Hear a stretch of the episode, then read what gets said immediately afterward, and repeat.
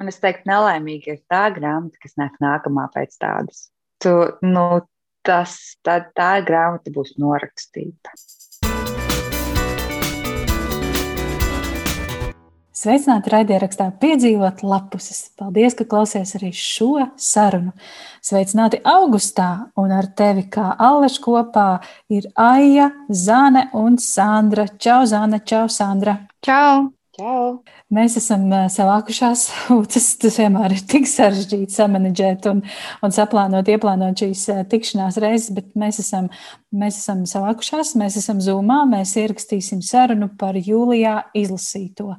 Bet pirms mēs sākam runāt par jūlijā izlasīto, es kā vienmēr gribu sākt ar to, ka es pasaku paldies patroniem, paldies cilvēkiem, kas atbalsta šo raidierakstu, piedzīvot lapuses par lielāku vai mazāku naudiņu Es turpinu šo naudu ziedot, kā vienojāmies Ukrainai, un izskatās, ka turpināšu to darīt vēl ilgi, bet tas nekas, tas nekas jūs drīkstat būt mūsu patroni, drīkstat arī nebūt.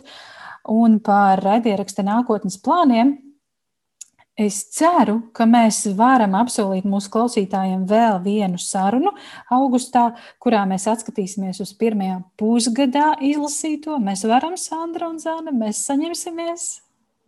Mēs varam, jā. un jā, tad augusts, atlikušais augusts būs brīvs. Un, uh, Tas eh, paies eh, plānojot eh, nākamo raidierakstu piedzīvot lapuses sezonu. Tā būs jau ceturtā sezona. Un, ja godīgi, ja es saņemšos un ja man būs tam jaudas, man ir tik daudz interesantu cilvēku padomā, ar kuriem es gribētu aprunāties, un daudz jau ir uzrunāti. Un, un, jā, dažas sarunas patiesībā jau ir ieplānotas. Kā, nu, izskatās, ka piedzīvot lapuses turpināsies un raidieraksts turpināsies. Uh, jāskatās tikai, cik, cik mm, tas būs bieži, vai, vai jā, nu, jāskatās, kā dzīve ritēs, vai ne. Bet uh, negribas jau tā visu atmest un pamest, jo projekts ir interesants. Man vienmēr patīk aprunāties ar cilvēkiem par grāmatām, un man vienmēr patīk aprunāties ar Zāni un Sandru par mēnesi izlasīto un pajautāt viņām, dāmas, kā jums gāja pagājušajā mēnesī, kā jums gāja jūlijā? Nu, jūlijas mm, kas tad mums bija jūlijā? Jūlijā man gudrīts parādīja, ka es esmu sasniegusi gada mērķi un izlasījusi savas nospraustās grāmatas. Yes, kas, man, kas man bija pārsteigums, protams, es jau biju ļoti tāda, nu, nevar teikt, hitra, bet nu, ar nodomu uzliku mazāk nekā pagājušajā gadā ar domu, ka nu, šodi, šogad neiespringšu, lai ir tas smukais skaitlis. Bet, nu, tā kā viņš ir jau sasniegts, tad skaidrs, ka kad, kad būs kaut kas līdzīgs kā pagājušajā gadā, un būs pāris simtām grāmatām. Bet par to ir stāsts. Man viņš pārsteidz tas skaitlis, jo man liekas, ka es neesmu lasījusi, un kad bija taču uh, februārī sākās karš, un uh, tur bija vispār visādi tie lasīšanas bloki. Man liekas, ka es vispār neko neesmu lasījusi. Izrādās, ka es esmu lasījusi un uh, daudz lasījusi. Un man, man īstenībā pēc izlasīto grāmatām var pateikt arī man mentālo stāvokli. Jo, nu, ja es lasu tik daudz, tas nozīmē, ka visdrīzāk man ir bijis diezgan, diezgan sūdīgi. Un uh, izskatās, ka ir bijis sūdīgi. Ir pusgads, un jau izlasīts simts grāmatas. Pagaidām, senāk tā, jo vairāk tu lasi, jo sliktāk tu jūties. Tas ir uh, ārprāts. Tas nozīmē, jā. jo vairāk es gribu aizbēgt, atrisināt varbūt kaut kādas savas mentālās veselības problēmas vai vai, vai kaut kādā ziņā kaut kur iegrimt, un uh, papildus tam visam nāk vēl ekstra grāmatas, kas, teiksim, ir kā, nu, jau nevar teikt obligātā literatūra, bet, nu, kur es vairāk un mazāk ir jāizlasa. Un tad vēl ir tas plaukts, kas uh, ir pašas sapirkts un kas arī uzspiež tādu pulsu. Un, uh, jā, es nezinu, kā ar jums, bet, bet man tā ir.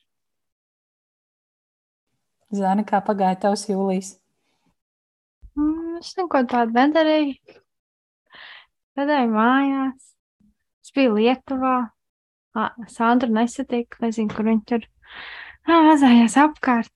Uh, jā, kaut ko palasīju, kaut ko nelasīju. Man atkal ir otrādi, pēc tā, cik pats grāmatas izlasu, redzēt manu mentālo stāvokli. Redz, kā katram savs, vai ne? Uh, Nu, mans jūlijas, es paskatījos gudrībā, cik tad, tad, cik tad es izlasīju. Ir, ir ok, ir ok, bet es jūtu, ka es kaut kādā brīdī, tas bija īpaši jūlijā pašās beigās, biju ļoti sagurusi, un uh, mans prāts pamazām pārslēdzās no grāmatu lasīšanas uz turku seriālu skatīšanos, piedodiet, lūdzu. Bet uh, es esmu tik tā kā Un uh, es nezinu, kā TikToks izdibināja, ka man varētu patikt kaut kādi romantiski stāsti. Un uh, TikTok algoritms man regulāri sāka izmest. Uh, Ainas no viena turku seriāla, un es domāju, nē, nu jāpaskatās, kas tur ir. Un es iekritu šajā seriālā, jo viņi ir nenormāli viltīgi. Pats trakākais, jā, viņi ir nenormāli viltīgi. Viņi prot uzbūvēt to sižetu un radīt to sajūtu, ka tu, iekšā, tu esi iekšā šajā stāstā, tu esi iekšā šajos notikumos, tu esi iekšā šajā ģimenē, šajās attiecībās. Un, un tev liekas, ka, tas, ka tā seriāla pasaule ir daļa no tevis. Bet pats briesmīgākais, ka tās sērijas ir divu stundu garas divas stundas. Jūs saprotat, tas ir vārprāts. Un, un uh, tur nav piecas sērijas sezonā. Tur ir kaut kādas 20. Un es esmu tikusi līdz šķiet astotajai. Un jebkurš normāls grāmatnieks, turklāt vēl paskatoties uz manu neizlasīto grāmatu kaudzi, teiks, ai, ko tu dari? Tu esi nenormāli, tu varētu to laiku izmantot lasīšanai. Bet, bet es zinu, ka tikpat daudz grāmatnieku mani sapratīs, un sapratīs to sajūtu, ka vajag mazliet atslēgties un izvērtināties. Man ļoti patika, kā Kristīna Pīkina savā Instagramā bija uh, ierakstījusi, storijos, stāstīņos, uh, parādījusi, ka viņai ir piecas uh, iesāktas grāmatas, piecas ļoti labas uh, iesāktas grāmatas, uh, Bet prāts grib lasīt tikai to vienu, kas ir vienkārši briesmīgi uzrakstīta. Un uh, tā tas ir. Un kaut kādā, mm, kaut kādā brīdī tas atkal mainās. Uh, mēs gribam uh, tikai lasīt, vai tikai lasīt kaut ko, kas mums ļoti patīk un saista. Tā kā viss ir normāli, es ceru. Es gribēju teikt un prasīt, kurš skatās kaut kādu turku seriāls? Ah, bet, nu, Aija Bremsmita skatās. Mm -hmm, mm -hmm. Skaidrs man viss ir. Lūdzu, nesāciet šo. Tā ir kaut kāda totāla narkotika, totāla narkotika. Oh, un visi viņi tur ir tik skaisti un glīti, un tās attiecības ir tikai pēc grāmatas, visas veidojās nu, pēc uh, sievietēm saprotamas grāmatas. Uh, nu, jā, nu, tas ir vienkārši traki. Nu, man liekas, mēs visi bērnībā esam bijuši atkarīgi no meksikāņu seriāliem. Nu, par visiem šiem standarta variantiem, kur nokrīt no kāpnēm, izpaužas ar muti vaļā par jebkuriem notikumiem un visiem. Nu, tā, kad mēs tevi saprotam, ja mēs tevi saprotam. Nē, tur tajā seriālā nav tādas pārāk um, lielas ekspresijas. Cilvēki ir kā cilvēki. Tikai jā, nu, tas tā ļoti, nu, viņi, man liekas, ļoti meistarīgi ir izveidojuši katru to pakāpienu, kā veidojas uh, galveno tēlu, savstarpējās attiecības, un tad tur apkārt visi tie iesaistītie. Nu, tas ir jā, pēc schēmas, pēc schēmas. Mēs zinām, vai ne, kas ir schēma arī grāmatās. Nu, tā, Vēl jūlijā mēs uzzinājām, kas ieguva Jāņa Baltvilka balvu. Tā ir balva, ko dod eh, par labāko bērnu grāmatu pagājušajā gadā. Mēs varam apsveikt Luīzi Pastori un viņas laimes bērnus ar iegūto balvu. Uhu! Kas tad ir izlasīts jūlijā? Es eh, pajautāju eh, mūsu sakot man, man, maniem sakotājiem, piedodiet, dāmas, Instagramā. Un es saņēmu diezgan daudz atbilžu, ļoti daudz atbilžu Instagramā par to, kas ir izlasīts. Un, ja pavisam ātri es varētu izskriet cauri šim plašajam sarakstam, tad Sindija, Sindija Buks izlasīja Luisas Lorijas devēju, kas bija emocijām piesātināts stāsts. Elpoja prieku, izlasīja Manfeldes poēma ar māmu. Šeit mēs runājam par spilgtākajiem lap, piedzīvojumiem lapusēs. Tā kā nebūtu nav tā, ka šie cilvēki ir izlasījuši tikai vienu grāmatu mēnesī, bet tas, tas ir bijis kaut kas ļoti spilgts un prātā paliekošs. Arta Brice izlasīja Kereta aizķeršanās galaktikas nomalē un saka, ka tas ir kolosāli. Augt ar grāmatām izlasīja kopā ar dēlu, izlasīja politika iesācējiem, bet pati izlasīja laimes bērnus. Un tas esot palicis vispilgtāk prātā. Ginte izlasīja Safona eņģeļa spēles, turpinām lasīt Safonu. Mīsīs lasītāja Ieva izlasīja klusējošās trūklakas un mēs zoostacijas bērnus, un tas esot spilgtākais, kas palicis no jūlija prātā.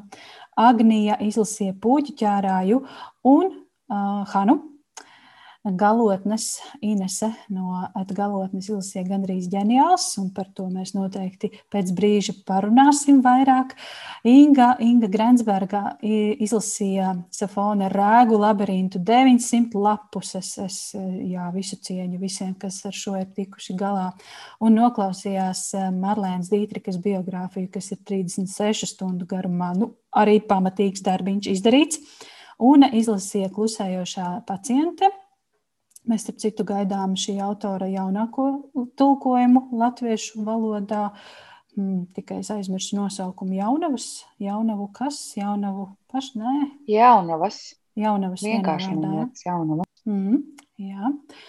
Mazie lasītāji uh, saka, ka upe, kas tek atpakaļ, bija vislabākā jūlijā lasītā. Lasīt prieks beidzot pabeidza mazliet dzīvības. Ivita Kļaviņa uh, arī izceļ poēmu ar mammu Es pats, Viktorija, no es pats ir izlasījusi Surrounded by Idiots, mm, bet vislabākais bija Troubled Blood.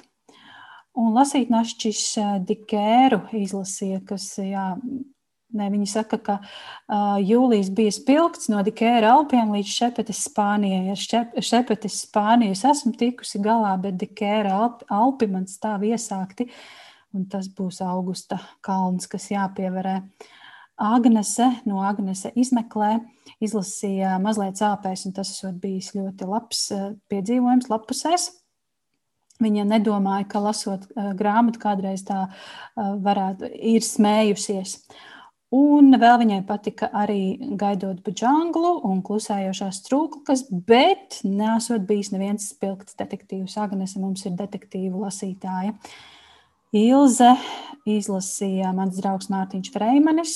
Viņa lasīja lēnām un kavējās laikā, kā toreiz bija, un fonā klausījās Mārtiņa Freimiņa dziesmas. Kristīne izlasīja Sirmgāvju karš, un šai grāmatai ir ļoti laba pēcgarša. Kripoks izlasīja savējām, un Elīna izlasīja Pētera imperatori. Savukārt Sanita stāsta, ka jūlijā izlasīja Leldas jauno grāmatu Leldas Kovaļovas. Beigas gan viņai likās netik labas. Arī Evija ar grāmatu lasīja Leldas Kovaļovas šoseju un Twitter tiesu. Un Alekurbuk izceļ klusējošās trūklakas, iegrimt grāmatas iegrimt grāmatās, stāsta par Erebos, kas viņai ļoti patika, un viņa to iesaka šo, šo grāmatu. Es esmu lasījusi kaut ko ļoti senos laikos Erebos. Linda Tomasa stāsta par to, kā viņa izstājās no gudrības izaicinājuma. Tātad tas, ko tu, Sandra, tikko stāstīji, kā tu to esi sasniegusi, Linda no tā izstājās, lai var mierīgi lasīt. Es, starp citu, Linda, šajā izaicinājumā pat nepiedalījos. Gada sākumā es izlēmu, nē, es sev nekādu mērķi šogad ne, ne, ne, ne, neizvirzīšu un dzīvošu, kā, kā dzīvošu, lasīšu, kā lasīšu, kā sanāks, tā sanāks. Immortal Angel izlasīja bērni ir karaļi un saka, ka tā ir iespaidīga. Es varu izceļt dzelmē, un kad elpa pārto par gaisu, Elīna Krauklē saka, ka puķi ķērājs bijusi ļoti laba grāmata augt un plaukt. Uh, atkal stāsta par klusējošām strūklakām, un Anastasija ir izlasījusi piecas Harija Potera daļas. Lūk, tā. Nu, tad mēs rezumējot un, un, un izvēlkot tādu vidējo aritmētisko, šķiet visvairāk dzirdējām par klusējošām strūklakām. Un šur tur arī Manfelde un Lelda Kovaļova tika pieminēta vairākas reizes. Tā kā tā. Bet kas bija jūsu spilgtākie piedzīvojumi lapusēs, Zane un Sandra? Pastāstiet! Vai varbūt, ja jums ir komentārs par tikko izstāstīto sarakstu, droši. Jā, es gribēju piebilst, ka Dagnis izmeklēja vakar, nu vakar vēl skaitījās jūlijas. Tieši pieminēja, ka, ja vēlaties izlasīt tikai vienu trilleri šogad, tad izlasiet Dear Child. Nu, tā ir es viņai aizsūtīju to grāmatu, jo, jo es teicu, ka nu, viņi varētu kā trilleru, kriminālu romānu cienītāju to novērtēt. Un, uh, Viņa gan nebija izlasījusi beigas, bet eh, nu, tā, tā ir taisnība. Tas trīlers ir tāds eh, ļoti, ļoti spēcīgs. Un šeit tiešām jāpieņem, jā, jāpievērš uzmanība tam, ka autori ir vācu autori. Un kāpēc es to saku? Tāpēc, ka pārsvarā eh, vācu autori kriminālu romānus raksta nu, pavisam tādus diametrāli pretējus skandināvu. Viņi ir tādi mierīgāki, es viņus saucu par pensionāru romāniem. Bet nu, ir cilvēki, kuriem, protams, tas patīk. Bet uh, jāņem vērā, ka uh, viņa ar šo grāmatu Dear Child ir arī angļu tirgu uh, izpelnījusies uzmanību, un nevelti arī angļu valodā rakstī, rakstošie krimināli un trilleru autori labi izsakās par viņu, tā kā Alisa Fīnī, kura pat ir populāra ar savu, teiksim, rock, paper, scissors. Līdz ar to, tā kā angļu tirgu tās grāmatas ir, nu, tur ir milzīgi, milzīgi konkurence trilleriem tad uh, tas ir tas tiešām kaut kas ļoti netipisks, kad uh, nu, no Vācijas viņi ir iegājusi tajā kaut kādā tirgu un kļūsi atpazīstama. Tā kā lasiet, Dear Child, un uh, varbūt arī šis baismīgais romāns arī varbūt kādu dienu tiks iztulkots latviešu valodā. Un, jā, diezgan krīpī drusku. Bet kā ar tiem spilgtākajiem piedzīvojumiem lapusēs? Jā, mans spilgtākais piedzīvojums jūlijā noteikti bija mm, atkārtots piedzīvojums Rūtas Šepets klusējošās strūklakas, par kurām es jau esmu runājusi pirms mm, diviem gadiem, pirms kāda. Atceros, kad grāmata oriģināli iznāca angliski, kad es arī gandrīz uzreiz viņu izlasīju. Pārlasīju, man vēl joprojām ļoti patika, un kaut arī viss stāsts jau bija zināms, es tiku tā jutos pārsteigta par to, cik liels raksta Rūta Šepets. Bet tā kā par Rūtu Šepets mēs jau esam runājuši, runājuši un runāsim vēl, tad es kāpēc gribu izcelt grāmatu, ko ieraudzīju, ko viņa lasa Instagramā. Tas ir nosaukums, ko viņa lasa. Niknējums, jūs sapratāt. Kolīnas Hooveras vertību, jo mm, es izlasīju mazāk kā 24 stundās, kaut vai lapas puses bija gana daudz, pie 400. Uh, uh, man vienkārši nenormāli ierāva tā, ka es nevarēju aiziet gulēt, bet es sapratu, ka man nākamajā dienā jāstrādā, un kad man bija jāstrādā, es nevarēju sagaidīt, kad es beigšu strādāt, lai es varētu pabeigt lasīt, jo kā beigsies. Un uh, beigas es neparedzēju vispār, ne cik. Man bija vairāk variantu, kā tad varētu beigties grāmata. Man liekas, pusē, ko jūs te muldat, tak tās atrisinājums taču ir tik acīm redzams. Nē, tā noteikti nav. Un šāda īpašība visādos krimināla romānos, detektīvos un visādos spriedzes romānos ir pati svarīgākā, ka lasītājs nenojautīs beigas, bet izlasot viņam liksies, jā, īstenībā tā varētu arī būt. Kāpēc es par to neiedomājos? Tajā pašā laikā šoks, mute ir vaļā, tu aiztais grāmatu un ko? Kāpēc? Tev ir tik daudz jautājumu, bet Instagramā tu nedrīkst uzdot šos jautājumus, jo tu atklāsi citiem šīs beigas. Un tad sākās vairākas sarakstas ar cilvēkiem, kas arī grāmatu ir lasījuši, un mēs visi, ko, kāpēc? Jā, bet varēja arī būt tā, un kāpēc tas? Un tas man liekas ir rīktīgi forši, ka grāmata izraisa diskusiju un uh, var strīdēties, un var lamāties, un var priecāties. Un um, šai grāmatai, kā mēs ar Artu Brīci runājām, ka vai nu viņa patiks nenormāli, vai nu liksies kā pēdējais sūds. Tāpēc, Bet, bet vai tā nav ar visām Kolinas Hooveras grāmatām? Es uh, neesmu iespējams, bet šis ir tā kā pilnīgi cits žanrs priekš viņas, jo viņai jau romantiskā literatūra ir tā top, top, top. Un šeit tā, it kā tur ir kaut kāda romantika, bet uh, tā noteikti nav galvenā grāmatas daļa. Tieši intriga ir pats pats svarīgākais šeit. Bet jā, ar Hooveru noteikti. Tā varētu būt ar visām, bet šis tā tāds izņēmuma grāmata viņai no tās sērijas, cik es sapratu. Nu, viņai ļoti diametrāli pretējs, jā, ir tās atsauksmes. Es neesmu viņu vēl lasījusi, bet uh, man ir tā, ka man citi saka, ka nelasu, jo tas ir pē- pēdējais mēsls. Man, protams, man tas vēl tādu lielāku intrigu. Man vienkārši interesē, vai es būšu kā tajā pusē, kurai liksies galīgi sūds, vai, vai tai, kurai uh, ļoti, ļoti patiksies. Un uh, es, es jau minēju kaut kur, man liekas, ka šī ir vienkārši um, šī gada latviešu Instagram grāmatu apskatnieku tādu top grāmatu. Tādā ziņā, ka kad visi viņu traki lasa, jo viņa nav jauna grāmata. Un es viņu pati ļoti sen gribu izlasīt. Bet uh, no sākuma, kad sāka parādīties, kad visi lasa, tādu man, nu, nē, es viņu nelasīšu. Nu, man, man nu, ir, ta, ir arī tas pretējais tas viedoklis, ja visi lasa, tad man tā liekas, nu, man nu, negribas tagad lasīt. Bet tagad jau ir tā, ka man jau citi ir pilnīgi atrunāti, un man liekas, nē, nu, es, es tomēr laikam gribu izlasīt. Man tā kā interesē. Patiks vai nē?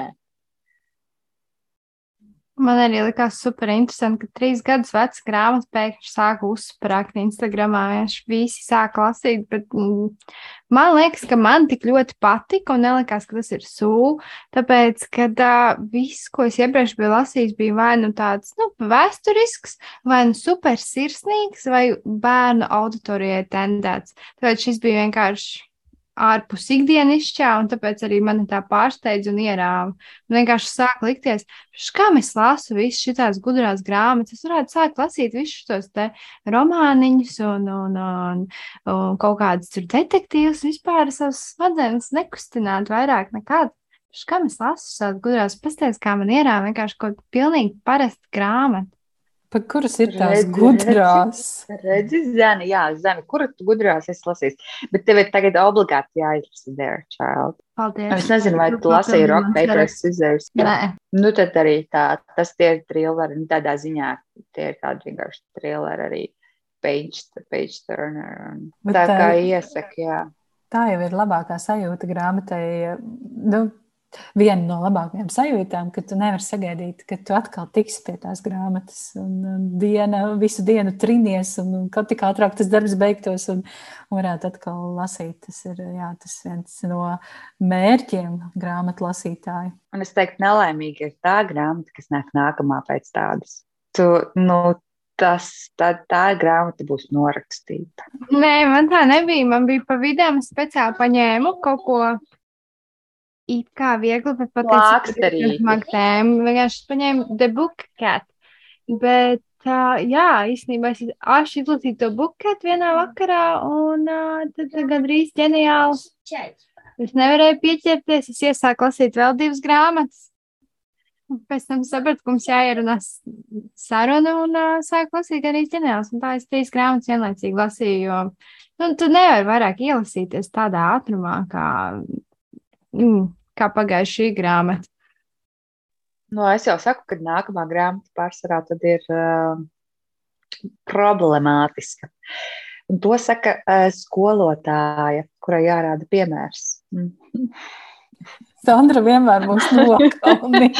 Jā, es esmu policiste pēc būtības, kārtības ieviesēju. Un, uh, jā, Es vispār esmu neoficiāls bezdarbnieks, tā kā man vairs nav jārāda nekāda priekšzīme, un es varu droši sēdēt un rādīt nepriekšzīmi. Labi, Sandra stāsti par, par saviem priekšzīmīgajiem piedzīvojumiem lapusēs. man ir ļoti ne, nepriekšzīmīgi piedzīvojumi. E, Ko es gribēju teikt? Es skatījos, kas skaitās pie jūlija, kas nē. Nu, pie jūlija man skaitījās, es nezinu, vai es stāstīju to pagājušajā reizē, bet uh, es izlasīju puķis uh, Alģeronam, ko es gribēju ļoti, ļoti sen lasīt. Un man liekas, ka nu, es esmu pie tādas atkal klasikas pieķērusies, ko sen, sen neesmu lasījis. Man liekas, ka es atkal lasu kaut ko tādu, nu, kaut ko līdzīgu, teiksim, kā varētu teikt, Orvels vai, nu, nu tāds tā kā pamatīgs, tāds darbs, un es tiešām, tiešām ļoti izbaudīju, ja jūs neesat lasījuši, tad tas ir tāds neparasts darbs par kurā ir tie jautājumi neatbildamie, kurā ir tādi arī par ētiku un, un par tādu dzīvības, nāves un ģenētikas. Un, nu jā, kā Zene saka, gudrā grāmata. Bet, Nē, tā ir ļoti laba grāmata. Ļoti nē, jā, jā, tu esi, mēs smējamies. Nav, nav tā, ka tur jāmežģīs smadzenes. nē, nav, bet es saku, bet tās pārdomas, kas nu, kas manī ir raisījās. Bija ļoti, ļoti daudz. Un, uh, es pārunāju arī uh, šo to ar draugu. Jo šī tā grāmata, kas tikko iesāku lasīt, man liekas, wow, es kaut ko tik labu sen neesmu lasījis. Nu, tādā ziņā tādu, nu, tādu, tādu tiešām es viņu saucu par klasiku, bet ne klasiku tādā nozīmē, ka. Uh, nu, tāda klasiskas vērtības. Un, un es viņai uzreiz teicu, kad uh, draudzenē, es saku, klausies, tā no šī grāmata jādabū, jāizlasa. Es nu, jūtu, ka būs baigi labā grāmata. Un tad uh, viņa reizē ar mani lasīja, un tad mēs tur uh, pārspriedām un, un, un uh, dalījāmies pārdomās un, uh, un domājām, kas tur beigsies un uh, kas un pārējais. Uh, bet jā, man, man ļoti, ļoti patika tā grāmata. Un, ja, pat, tā patiesībā ir ļoti, ļoti veca grāmata. Man šķiet, kas bija 60, nē, 60, jā, kur. Un tas, es, kāpēc es saliku par Orvelu? Tāpēc, ka man tas saistās Orvels savā grāmatā rakstīja toreiz par, par it kā. Uh, Zināms, ka pants par kaut kādu nākotni, kas ir īstenībā reāli tā kā mūsdienās, ko mēs redzam. Un arī tur kaut kādā ziņā viņš tā kā rakstīja par neiespējamo, bet tajā pašā laikā tas, kas notiek ar sabiedrību un kāds tiek vērtēts, liekas, viss tik realistisks, ka, nu jā, ka lika daudz, daudz ko pārdomāt. Es nezinu, jūs esat āja, laikam, lasījis vai ne? Jā, es esmu, bet tas bija tik sen. Es tikai atceros, ka grāmata bija ļoti laba un bija laba sajūta pēc tam, un, un bija mazliet smeldzīgi, bet tas ir arī viss. Nevarētu neko vairāk pateikt. Man jāskatās, varbūt gudrīts kaut kas vairāk ir ierakstīts.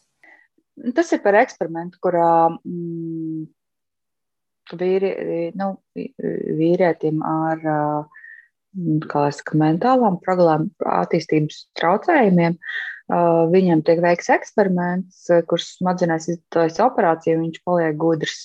Tur tajā zinātniskajā laboratorijā ir arī uh, pelīte, kurai ir izdarīta tāda pati operācija, un viņi redz, ka uh, pēkšņi no ļoti, ļoti zema intelekta, intelekts pieaug līdz nu, ģēnijiem.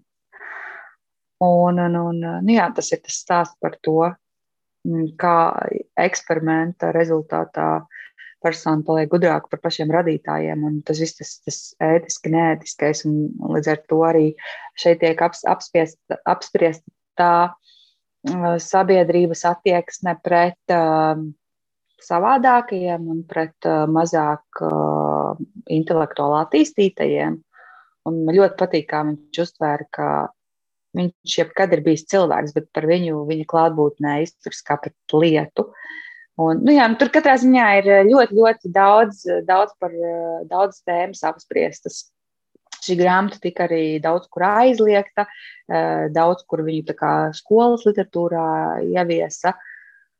Bet nu, tur, jā, tur tie jautājumi ir tādi sensitīvi, jo, jo parāda to sabiedrības arī attieksmi un, kā teiksim, zemāku intelektu, kā viņš tiek izraidīts no tādas parastas ikdienas. Un, un, un, un, nu, jā, nu, katrā ziņā viņi ir jāizlasa, jo, jo, jo tur tā atbalstīt nevarēšu. Katrā ziņā ļoti interesants darbs. Raidieraksts piedzīvot lapus, es iesaku. Un Zane arī izlasīs, gan jau ceram, gudro grāmatu. Ko es piedzīvoju lapusēs jūlijā? Es paskatījos, jā, kas ir iz, izlasīts, un uh, man ir, uh, man gribas izcelt uh, divas grāmatas, uh, bet par vienu es esmu diezgan daudz jau izteikusies, kaut gan par abām es īstenībā esmu izteikusies. Um, Es gribu izcelt Andras Manfeldes dzīslu grāmatu poēmu ar mammu, kas man liekas viena no labākajām vispār šogad lasītajām grāmatām, turklāt no latviešu grāmatām arī noteikti. Man ļoti patika tas, kā viņa raksta, raksta par šīm 70. gadu vasarām laukos. Man liekas, es pilnīgi sajūtu gan to smaržu, gan to zemes ceļa garšu mutē, un, un jā, svaigi slauktu piena, smaržu un viss, vis, vis, kas saistās ar vasarām laukos, tur ir tajā grāmatā. Un tas ir arī tāds personisks stāsts par viņas dzimtu, par viņas ģimeni, par viņas ģimenes sievietēm. Un, tajā pašā laikā tas ir arī tāds ļoti nu, paplašinātāks stāstījums par cilvēkiem un par vērtībām. Tur ir tik nenormāli daudz visādi labu citātu un, un tādu rindiņu, kuras gribas ierakstīt un pārrakstīt. Bet es vēlos pastāstīt arī par Liels un Mazs pēdējo grāmatu. Tas ir Igauni autors stāsts par skeletu Juhanu un viņa gaitām. Un tā ir grāmata, kuru man tiešām sasmīdināja es nesen Um, jā, vakaros es lasīju to arī meitai priekšā, un es atkal smējos. Jo vissmieklīgākais šajā stāstā par skeletu, kurš aiziet pensijā no darba skolā, tad viņš strādāja bioloģijas kabinetā par, par skeletu. Un, jā, vismieklīgākais šajā stāstā ir iedomāties, kā tas viss izskatās no malas. Kā šis skelets tātad dodas pensijā, un tagad viņš dzīvos pie māmu un tētuka, un kā tētuks viņu iesēdina mašīnā un piesprādzē priekšējā sēdeklī, un kā viņš viņu ved un apstājas veikalā, un autostāvvietā tur cilvēki to visu redz. Un tās ainas var lasīt un pārskriet tam visam it kā pāri, bet tad, kad iedomājas, kā tas viss izskatās no malas, tas ir tik nenormāli smieklīgi un, un arī ļoti, arī, arī mazliet tā skumji beigās, jo, nu, skelets Ir skaidrs, ka droši vien ka tur kaut kas būs par nāvi, arī runāts, bet uh, tas, tas viss ir tik ļoti forši un gaiši. Un tā ir tiešām viena brīnišķīga, atkal viena brīnišķīga grāmata bērniem, uh, kas vairāk ir, man liekas, pieaugušajiem. Un, uh, un tā. Un šodien pirmo reizi man, man četrgadīgā meita pateica, ah, bet mamma, es, es negribu izbeigties. Mums bija pirmā saruna par to, par, par to tēmu, par nāvi un, un tādām lietām. Tā kā, jā, esiet brīdināti, bet grāmata tiešām ir super jauka un forša un smieklīga. No sirds iesaku. Un nu laiks parunāt par mūsu mēneša grāmatu. Mēneša grāmatu mums eh, piedāvāja un uh, nodrošināja izdevniecība Jānis Roze. Uh, Un paldies arī par konkursu eksemplāru. Mums bija lielisks konkurss, manuprāt, ļoti interesanti. Konkursa dalībniekiem vajadzēja uzrakstīt, atsaucoties uz mēneša grāmatas nosaukumu, to prasmi, kurā viņi ir gandrīz ģeniāli. Un tad, tad bija jauki palasīties, cik interesantu, talantīgu cilvēku ir mums visapkārt. Tā kā paldies Jānim Rozem Un mēneša grāmata ir vācu autora Benedikta Velsa romāns Gandrīz ģeniāls. Jā, un ja gadījumā noklausoties šo sarunu, arī jūs vēlaties iegādāties šo romānu, tad droši ejiet uz Jāņa Rožas veikaliem vai ar interneta veikalu un tur to iegādājieties. Jāsaka gan, ka runāt bez tā saucamajiem spoileriem, jeb latviešu valodā, es uzzināju, kā to sauc latviešu valodā, maitekļiem par šo grāmatu ir ļoti sarežģīti. Mēs jau ar Sandru par to šodien runājām, ka ir ļoti pat neiespējami patiesībā nu, nesabojāt jums lasīšanas prieku, runājot par šo grāmatu. Tā kā izlemiet, vai jūs gribat klausīties vai tomēr laižat šo daļu garām. Un, ja jūs gadījumā laižat šo daļu garām, tad tiekamies septembrī visticamāk.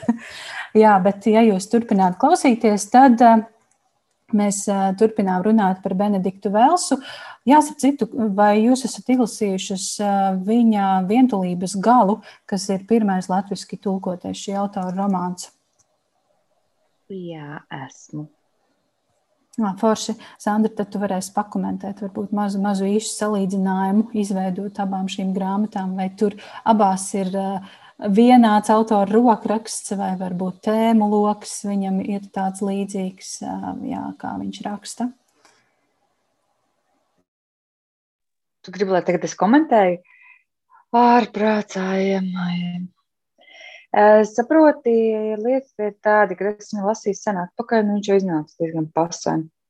Tā, tā pirmā grāmata. Un, nu, tā ir tā grāmata, kuras tā baigi komentēt nevaru, bet es zinu, ka tad, kad es tagad viņu uzreiz ieraudzīju, kad iznāk jaunā, nu nebija tā, ka es teiktu, o jā, es baigi gribu lasīt. Es teikšu tā, ka nu, man tā diezgan randams tās sajūtas par to darbu bija. Teiksim, salīdzinot ar š, šis darbs, man daudz, daudz labāk patika, tāpēc, jo es nu, tik daudz pat negaidīju no viņa. Es pat teikšu, ka man bija tāds no sākuma tāds ļoti uz augšu, tad atkal vidū, un tad vēl atkal uz augšu.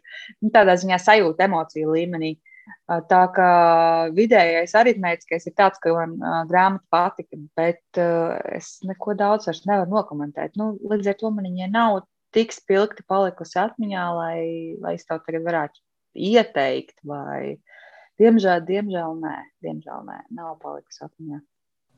Nu, labi.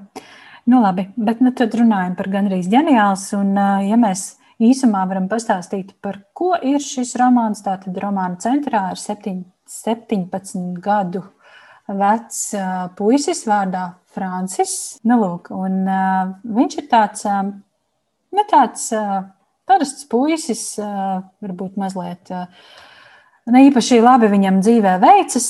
Viņa māte ir nokļuvusi psihiatriskajā klīnikā.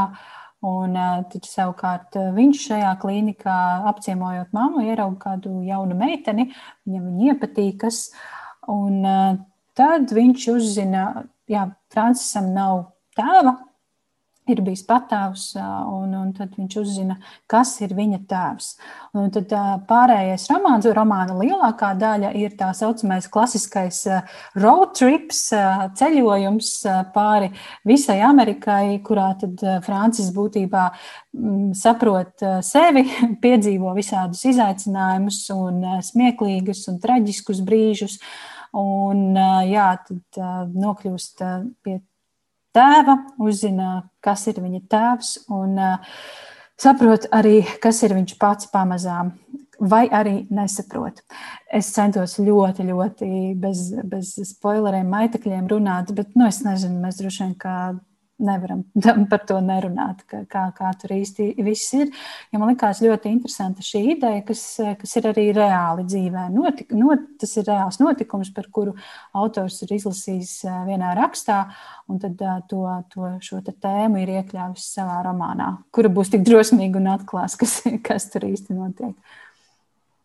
Es domāju, ka mēs, lai arī es esmu pilnīgi pret spoilošanu un tam līdzīgi, tāpēc es pilnīgi piekrītu, ka mums šoreiz ir jārunā.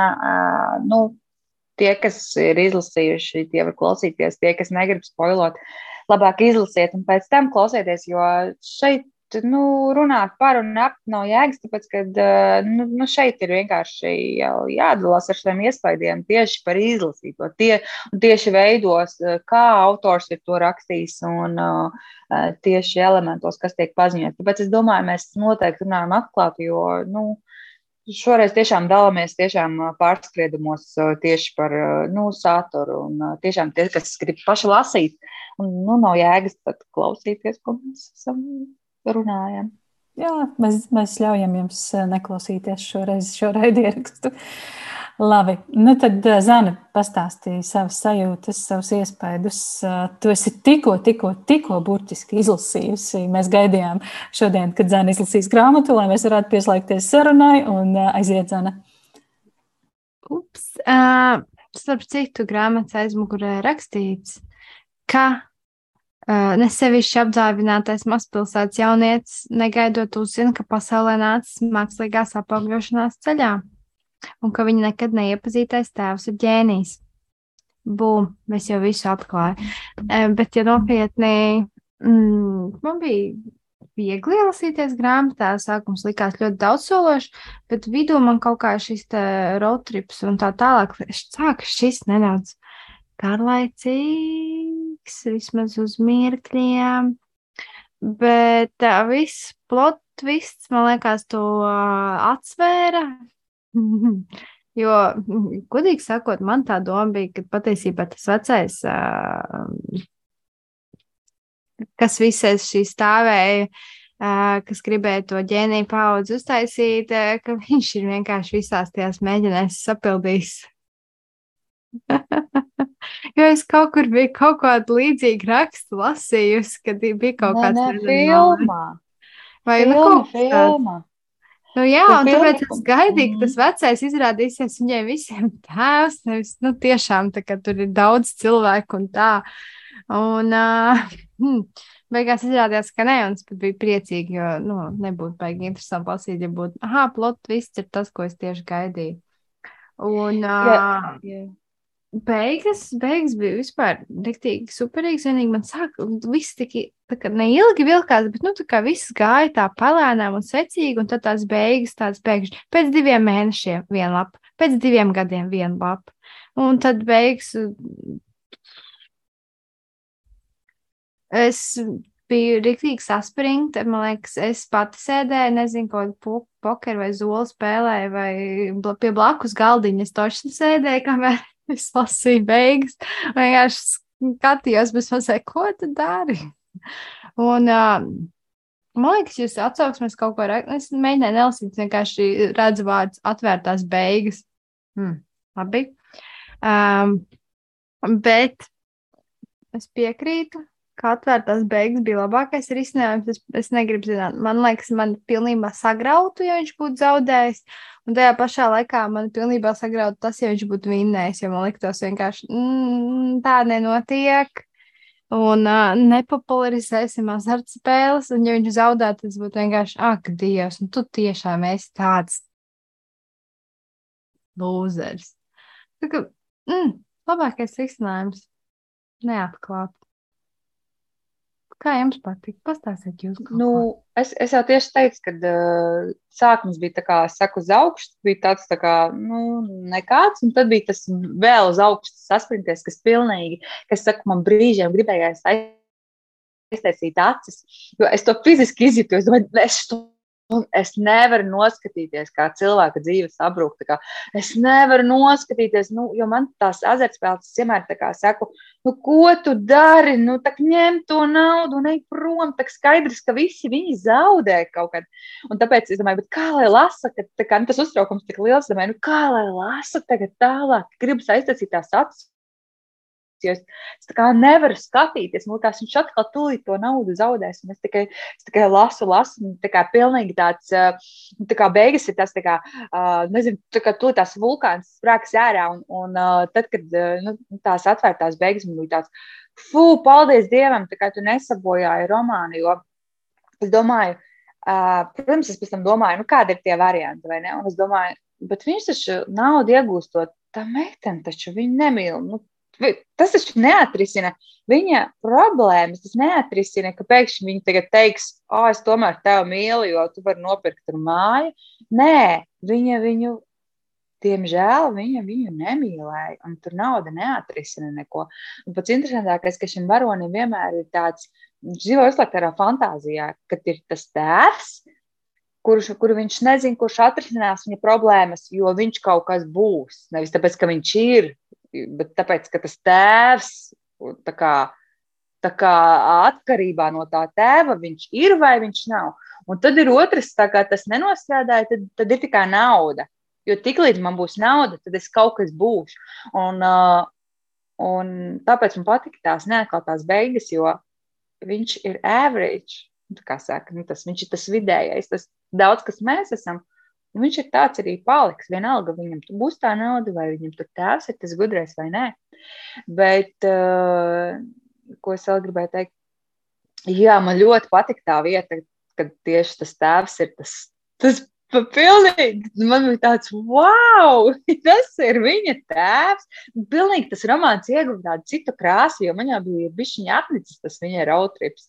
Es saprotu, ka autors pat ceļojas mēnešiem pa ASV, un tas ir bijis viņa skaistākais laiks. Līdz ar to viņš visu to Amerikas piedzīvoto tur ir izlicis. Bet man Amerika nav nekāda sapņu zeme, un uh, tie stāsti par Lasvegasu, gaismas pilīm, Ņujorku, milzīgais ēpa Apple lielais ābols. Nu, es saprotu, citus tas baigi iedvesmo, bet tas ir tik jau dzirdēts stāsts, ka tas nebija nekāds pārsteigums. Visas tās viesnīcas, briesmīgās ceļa malā, moteļi. Un, tas likās viss tik miljonus reizes redzēts, dzirdēts, ka nu, man nebija tāds, wow, kāds tev ir tur uh, dzīves labākais brauciens. Un tāpēc tas bija tāds jau nu, diezgan apnicīgs. Bet tad, kad sākās atkal viss tās. Viss tas tešs, tas tēvs, tāds, wow, šito es negaidīju. Es domāju, ka tur okay, būs gudrais, bet kaut ko tur viedi pateiks, bet tas likās tāds baigi labais. Un, jā, tas no beigas bija tāds tāds, wow, wow, wow, tāds pilnīgi tāds tā kā trillerī lasīts. Un gribēs teikt, nē, nē, ko dari, atdod man to naudu, es, es labāk viņu savākšu to tevējo naudu. Bet jā, jā, tur, tur nebija, tur, tur nebija varianti. Viņš, nu, viņš nevar neko izmainīt. Nu, piedodiet, nu, piedodiet. Nu, tur, tur vairs, jo viņš, viņš nespēja dzīvot savādāk kā tikai ar savām iedomām. Kad, kad, kad viņš kaut kas būs, ja viņam atkarībā no ārējiem apstākļiem, nevis teiksim, no sevis meklējot.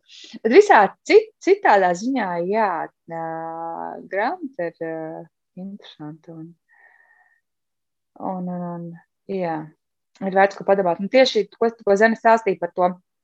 Our Father, tā ir dokumentālā filma Netflixā, un tas ir patiesais stāsts par uh, auglības klīniku, un, uh, kur ārsts, kuram bija jānodrošina nu, visi tie donori, vispārējais, viņš izmantoja savu spermu, un sieviete, kur nejauši atklāja, kad uh, viņa ir uh, ieņemta uh, nu, mākslīgā ceļā, viņas sāka izmeklēt, atrada ar vien vairāk un vairāk brāļus un māsas, un tur tas skaits pie simts jau pieauga, iedomājieties, un viņi visi dzīvoja salīdzinoši netālu nu, ASV, bet tā teritorija bija netālu. Ko tas nozīmē? Ja viņi savā dzīves laikā satiekas, iedomājieties, kādas tās traģēdijas, ja viņi pusmās ar pusbēlu satiekas, tur tā ģenētiskā, vispār visu sanāk tās pilsētas un tās. Tā rajona ģenētiskais materiāls, viņš jau tiek izjaukts, un tur taču visādas anomālijas var sākties un vispārējais. Līdz ar to tas ir, nu, no, tas ir nu, tas nav tikai no tāda ētiskā viedokļa, ka viņš ir melojis par donoriem, bet tas jau paliek bīstami tieši no tā ģenētiskā materiāla. Un iedomājieties, kāds varētu būt šoks, un ne tikai šoks, bet izjaukt ģimenes, ja, piemēram, tu zini, ka tu esi savu pusbrāli precējies. Jo liela daļa no viņiem, protams, nezināja, ka viņi mākslīgā ceļā ir ieņemti. Un šis, starp citu, jautājums ar vien vairāk un vairāk grāmatās tiek aprakstīts. Es esmu lasījis arī uh, Japāņu autoru grāmatu, uh, kur arī par uh, spermas, uh, uh, nu, kur ir izmantota uh, spermas donora klīnikas pakalpojumi, un kur bērni jau ir izauguši, un cik viņiem ļoti, ļoti grūti identificēties ar sevi. Jo, teiksim, ja kaut kāda iespēja vēl ir, nu, tad, teiksim, tēvs ir aizgājis no ģimenes, tev vēl ir iespēja viņu atrast, tad spermas donoriem saistībā ar visiem tiem likumiem vispārējo lielākoties viņiem nav iespējas atrast to tēvu. Un, līdz ar to viņiem nu, izaugot ir visādas, protams, morālās problēmas un tā pārējais, jo viņi grib atrast to savu identitāti. Viņi grib to tēvu satikt, bet tas tēvs principā, nu, fiziski viņš eksistē, bet, bet, bet principā viņš neeksistē. Un tad šie jautājumi arvien uh, vairāk un vairāk tiek apskatīti arī visādās citādākās grāmatās. Jo šī ir tā paudze, kas jā, jau ir, ir izaugusi un uh, paši veido ģimenes un, un, un, bērnus. Un tad viņi grib atrast šo jautājumu un saprast, no kurienes viņi ir nākuši. Tā ka šis ir kļūst ar vien populārāks jā, jautājums. Jā, nu, tēma par, par mēģinājumu bērniem ļoti interesanta. Un par to, ka mēs kaut kādā brīdī vēlamies uzzināt savus sapņus, tā jau arī tas, nu, tas skaidrs, ka nav nekas jauns. Bet es saprotu, ka vislielākās kaislības ir bijušas ap ainām, kur Francis spēlē Mm, kā sauc, tā rulete, laikam, Jā, Lasvegasā. Viņš uh, uzliek visu savu naudu ruletes spēlē, un uh, tā, tā ir kaut kur ap vidu uh, viena tāda epizode, un tad pašās beigās ar to grāmatu arī noslēdzas ar šo spēli. Un, nu, tās, tās lapas puses šķīrās ļoti ātri, ļoti ātri, un beigās tur, kur viņam tā visa dzīve un visas iespējas paskrien gar acīm, visi dzīves varianti Tur to tiešām varēja ātri izlasīt. Tas bija tāds tā, labs, labs, labi uzrakstīts, labi uzrakstīta aina. Bet es teiktu, ka man grāmata ļoti labi patika. Man ļoti patika tas, kā autors ir būvējis raksturus šajā grāmatā. Un, piemēram, šis Francis Viņš ik pa laikam piemin jā, viņa izskatu, bet to, kāds viņš patiesībā ir, mēs uzzinām caur viņa attiecībām ar citiem tēliem, kā viņš uzvedas ar, ar savu labāko draugu, kā viņš uzvedas ar šo meiteni. Anne Marija, viņa laikam jā, ir, vai, vai es atkal aizmirsu vārdu. Vakar pabeidzu lasīt un jau aizmirsu vārdu. Anne Mēja. Anne Mēja. Nu jā, un tas, man liekas, ir tāds ļoti labs paraugs arī jauniem autoriem, kā atklāt to varoni. Nevis, nevis vienkārši bliest pat taisno viņa izskatu, viņa raksturu, bet jā, caur, caur darbiem, caur sajūtām, caur atmiņām, caur kaut kādām attiecībām ar citiem tēliem. Man ļoti patika, kā autors to bija izdarījis. Un, un pamazām tas Francis uzbūvējās, kā tu, Sandra, saki, par tādu viduvējību, kuram patiesībā nu, nekādu tīžo cerību nav dzīvē. Nu, mēs esam beigas karbās, bet tā ir. un lasot šo grāmatu, es vienu brīdi pieķēru sev pie domas, hei, bet šis ir daudz labāks gabals nekā visas tās pašpalīdzības grāmatas. Jo patiesībā nu, te ir stāsts par to, kā sameklēt un saprast sevi. Kas es esmu, ko es varu. Nu, tad autors caur šīm situācijām, caur šo Francisu, kurš meklē savu it kā ģeniālo tēvu, parāda to, patiesībā liek mums domāt, diskutēt par tēmu, vai mēs esam ģeniāli, vai mēs varam būt ģeniāli tikai tad, ja mums ir šis, tā, ja mums ir īstie gēni, vai, vai tomēr viss ir atkarīgs no mūsu darba, un cik svarīgi ir zināt, ka tev ir tie gēni, nu, visādi, tā, visādi tādi jautājumi, eksistenciāli un uh, personību veidojoši jautājumi, un bija interesanti jā, lasīt. Un ši, šāds, šāds formāts man patīk daudz labāk par klasiskajām pašpalīdzības grāmatām, jo jā, šī grāmata vienkārši atgādina, ka viss ir atkarīgs no tava, tava, no tavas darba, no tā, no tā kā, ko, kā un ko tu dari. Nevis, nevis gaidi, ka tev kāds kaut ko izdarīs, pienesīs, ieliks īstos gēnus tevī, bet jā, no mums pašiem. Un vēl, te, protams, ir arī tas ētiskais jautājums, jo šis ir patiesa gadījums, kad gribēja uztaisīt to ģeniālo paudzi, izmantojot ģēnija spermu un labas izglītotas sievietes. Un, protams, šis no nu, vienas puses atgādina arī teiksim, to Hitlera domu. Viņš arī gribēja āriešu rasi, kas ir skaisti, gudri, blondi. Uh, Un kaut kādā ziņā tas, protams, kā mēs redzam, nenostrādāja, tāpēc, ka vienmēr tikai ģeniāliem cilvēkiem piedzimst ģeniāli bērni. Tāpat tās mēs zinām, ka cik daudz bērnu, teiksim, nāk no nabadzīgiem, varbūt neizglītotiem vecākiem, bet uh, viņiem tas intelekts ir uh, daudz augstāks nekā virs vidumēra. Līdz ar to tie gēni ir kā vienmēr saka, ka daba spēlē to spēli, un uh, tu nekad nevari zināt, uh, kas tur uh, sanāks un, un kā būs. Tā ka tas nav intelekts saistīts tikai ar to no tiem vecākiem, jo citreiz tas vienkārši nav izskaidrojums, kāpēc tas ir tā vai, vai savādāk. Tā kad, jā, šis ir arī tāds tāds interesants uh, temats, jo sevišķi ASV viņi ir uh, ļoti ar šīm uh, auglības klīnikām un saviem eksperimentiem un visādām tiesas prāvām pacentusies un, un izvirzījusies priekšgalā. Jo arī tās dokumentālās filmas beigās tiek minēts, ka šī nav vienīgā klīnika, kur ir ārsts izmantojis savu spermu. Izrādās, ka tas ir vairākās klīnikās bijis. Tā kā kaut, kaut kas ar tiem doktoriem, auglības klīnikās un, un, un viņu vēlmi savu ģenētisko materiālu izlaist tautās, kaut kas, kaut kas tur ir. Jā, kaut kāda dievišķa apziņa. Hmm. Zana, pastāst vēl kaut ko, kam tu ieteiktu šo grāmatu izlasīt vai, vai Cik zvaigznīšu tu te iedod? Uh, mans plāns bija likt kādas trīs ar pusi, bet pēc tam beigām es jau sāku svērties uz četrām zvaigznītēm. Bet, un, kam es ieteiktu? Es pat nezinu. Tā kā, nu, es dotu mammai, varbūt es dotu mammai vai es dotu draudzenei, atkarīgs, ko viņa man prasa. Ja viņa prasa kādu romantisku stāstu, tad eh, noteikti, ka nē. Bet, ja gribās izlasīt kaut ko tādu savādāku, tad noteikti, ka jā. Jā, šis ir tāds bišķiņ citādāks stāsts. Mm. Nav tāds klasiskais, bet man patika tieši, man patika tā, tā ceļojumu daļa.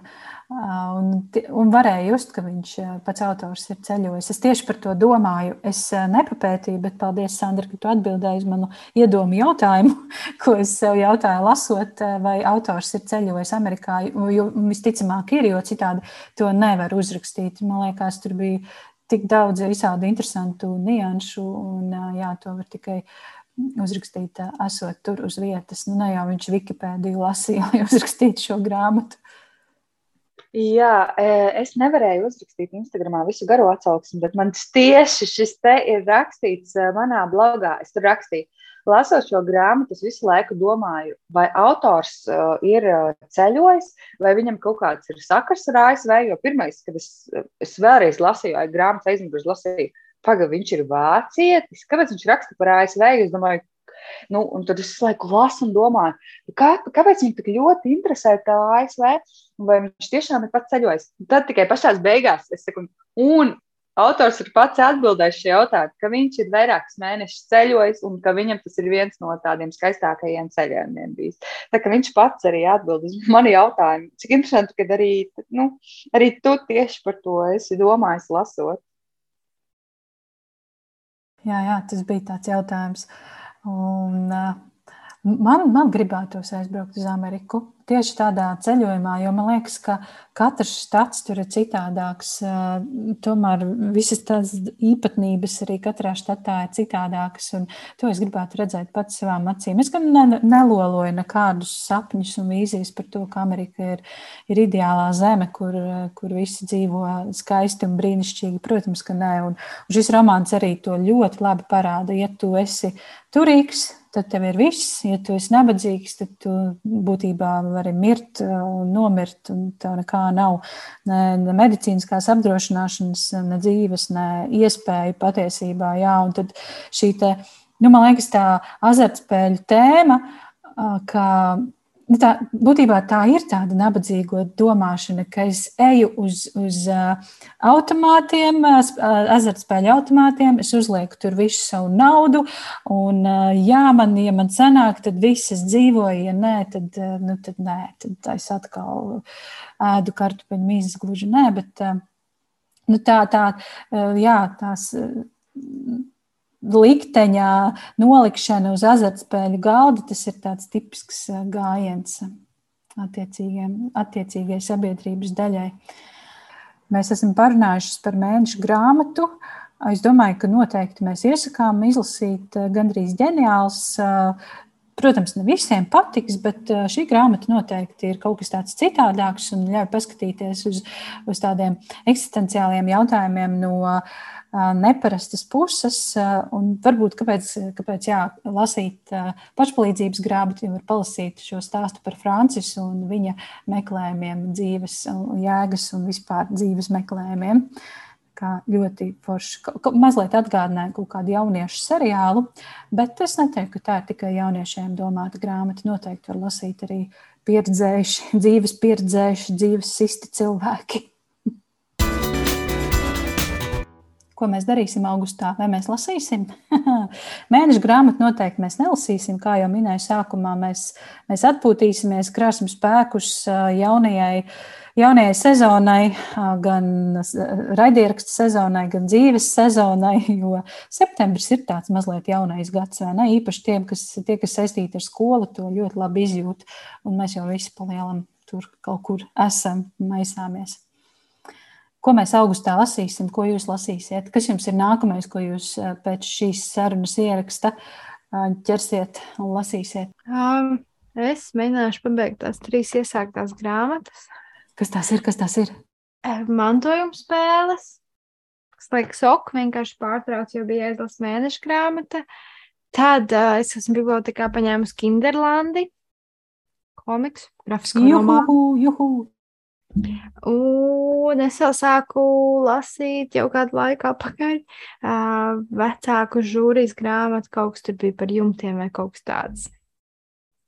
Likās tāda plāna grāmatiņa, ko es izlasīšu pa ceļam uz laukiem, bet kaut kā baigi ilgi lasās, kaut kā baigi. Nu, nav ne dialogu, nekas, vienkārši tāds apceres. Un um, augustā es esmu iegādājusies divas grāmatas jūlijā. Tikai. Jā, man bija labs garstāvoklis. Es parasti nepērku daudz grāmatas, es cenšos ierobežot savu pēcdienas budžetu, bet nopirku kad es biju lapsa. Un uzminiet, ko es vēl nopirku tādu rozā pēc AIS ieteikuma. Johanu, es Jā, redzēju, ka tu šķirsti. Ak, tu, Lūriķi. Un uh, vēl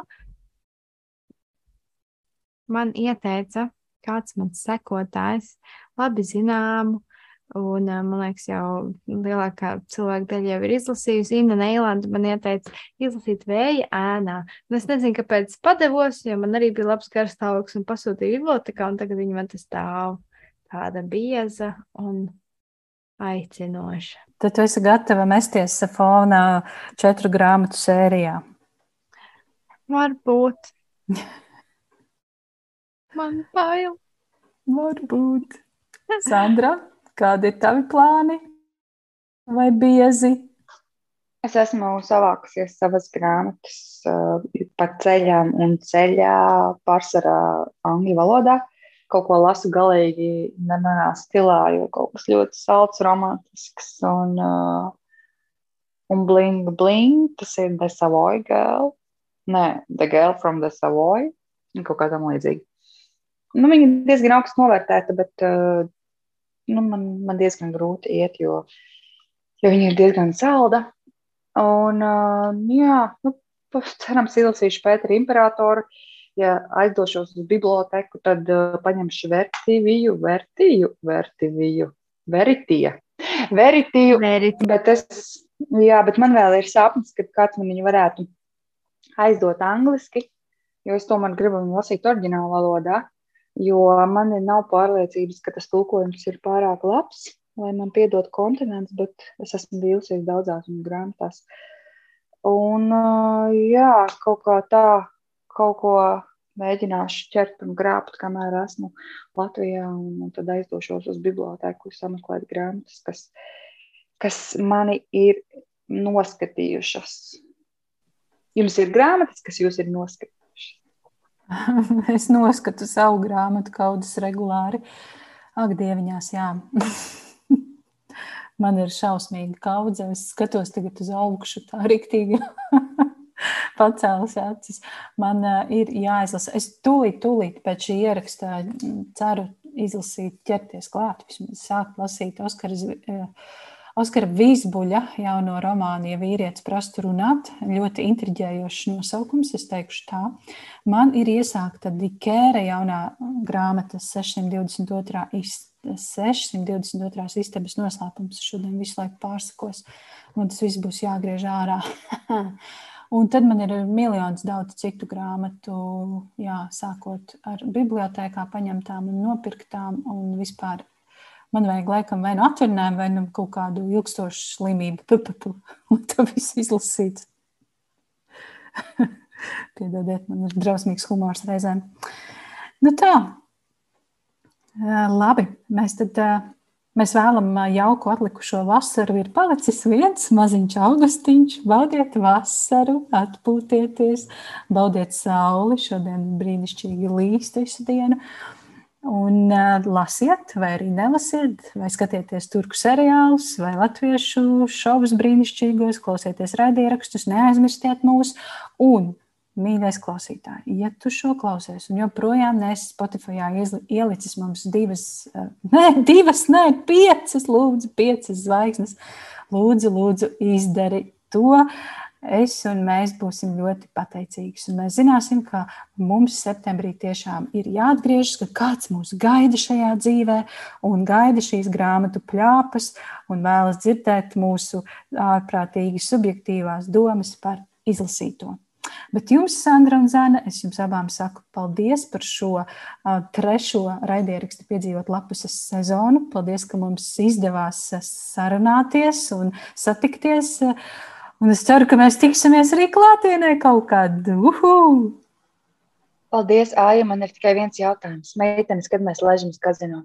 Kaut rīt. Kaut rīt.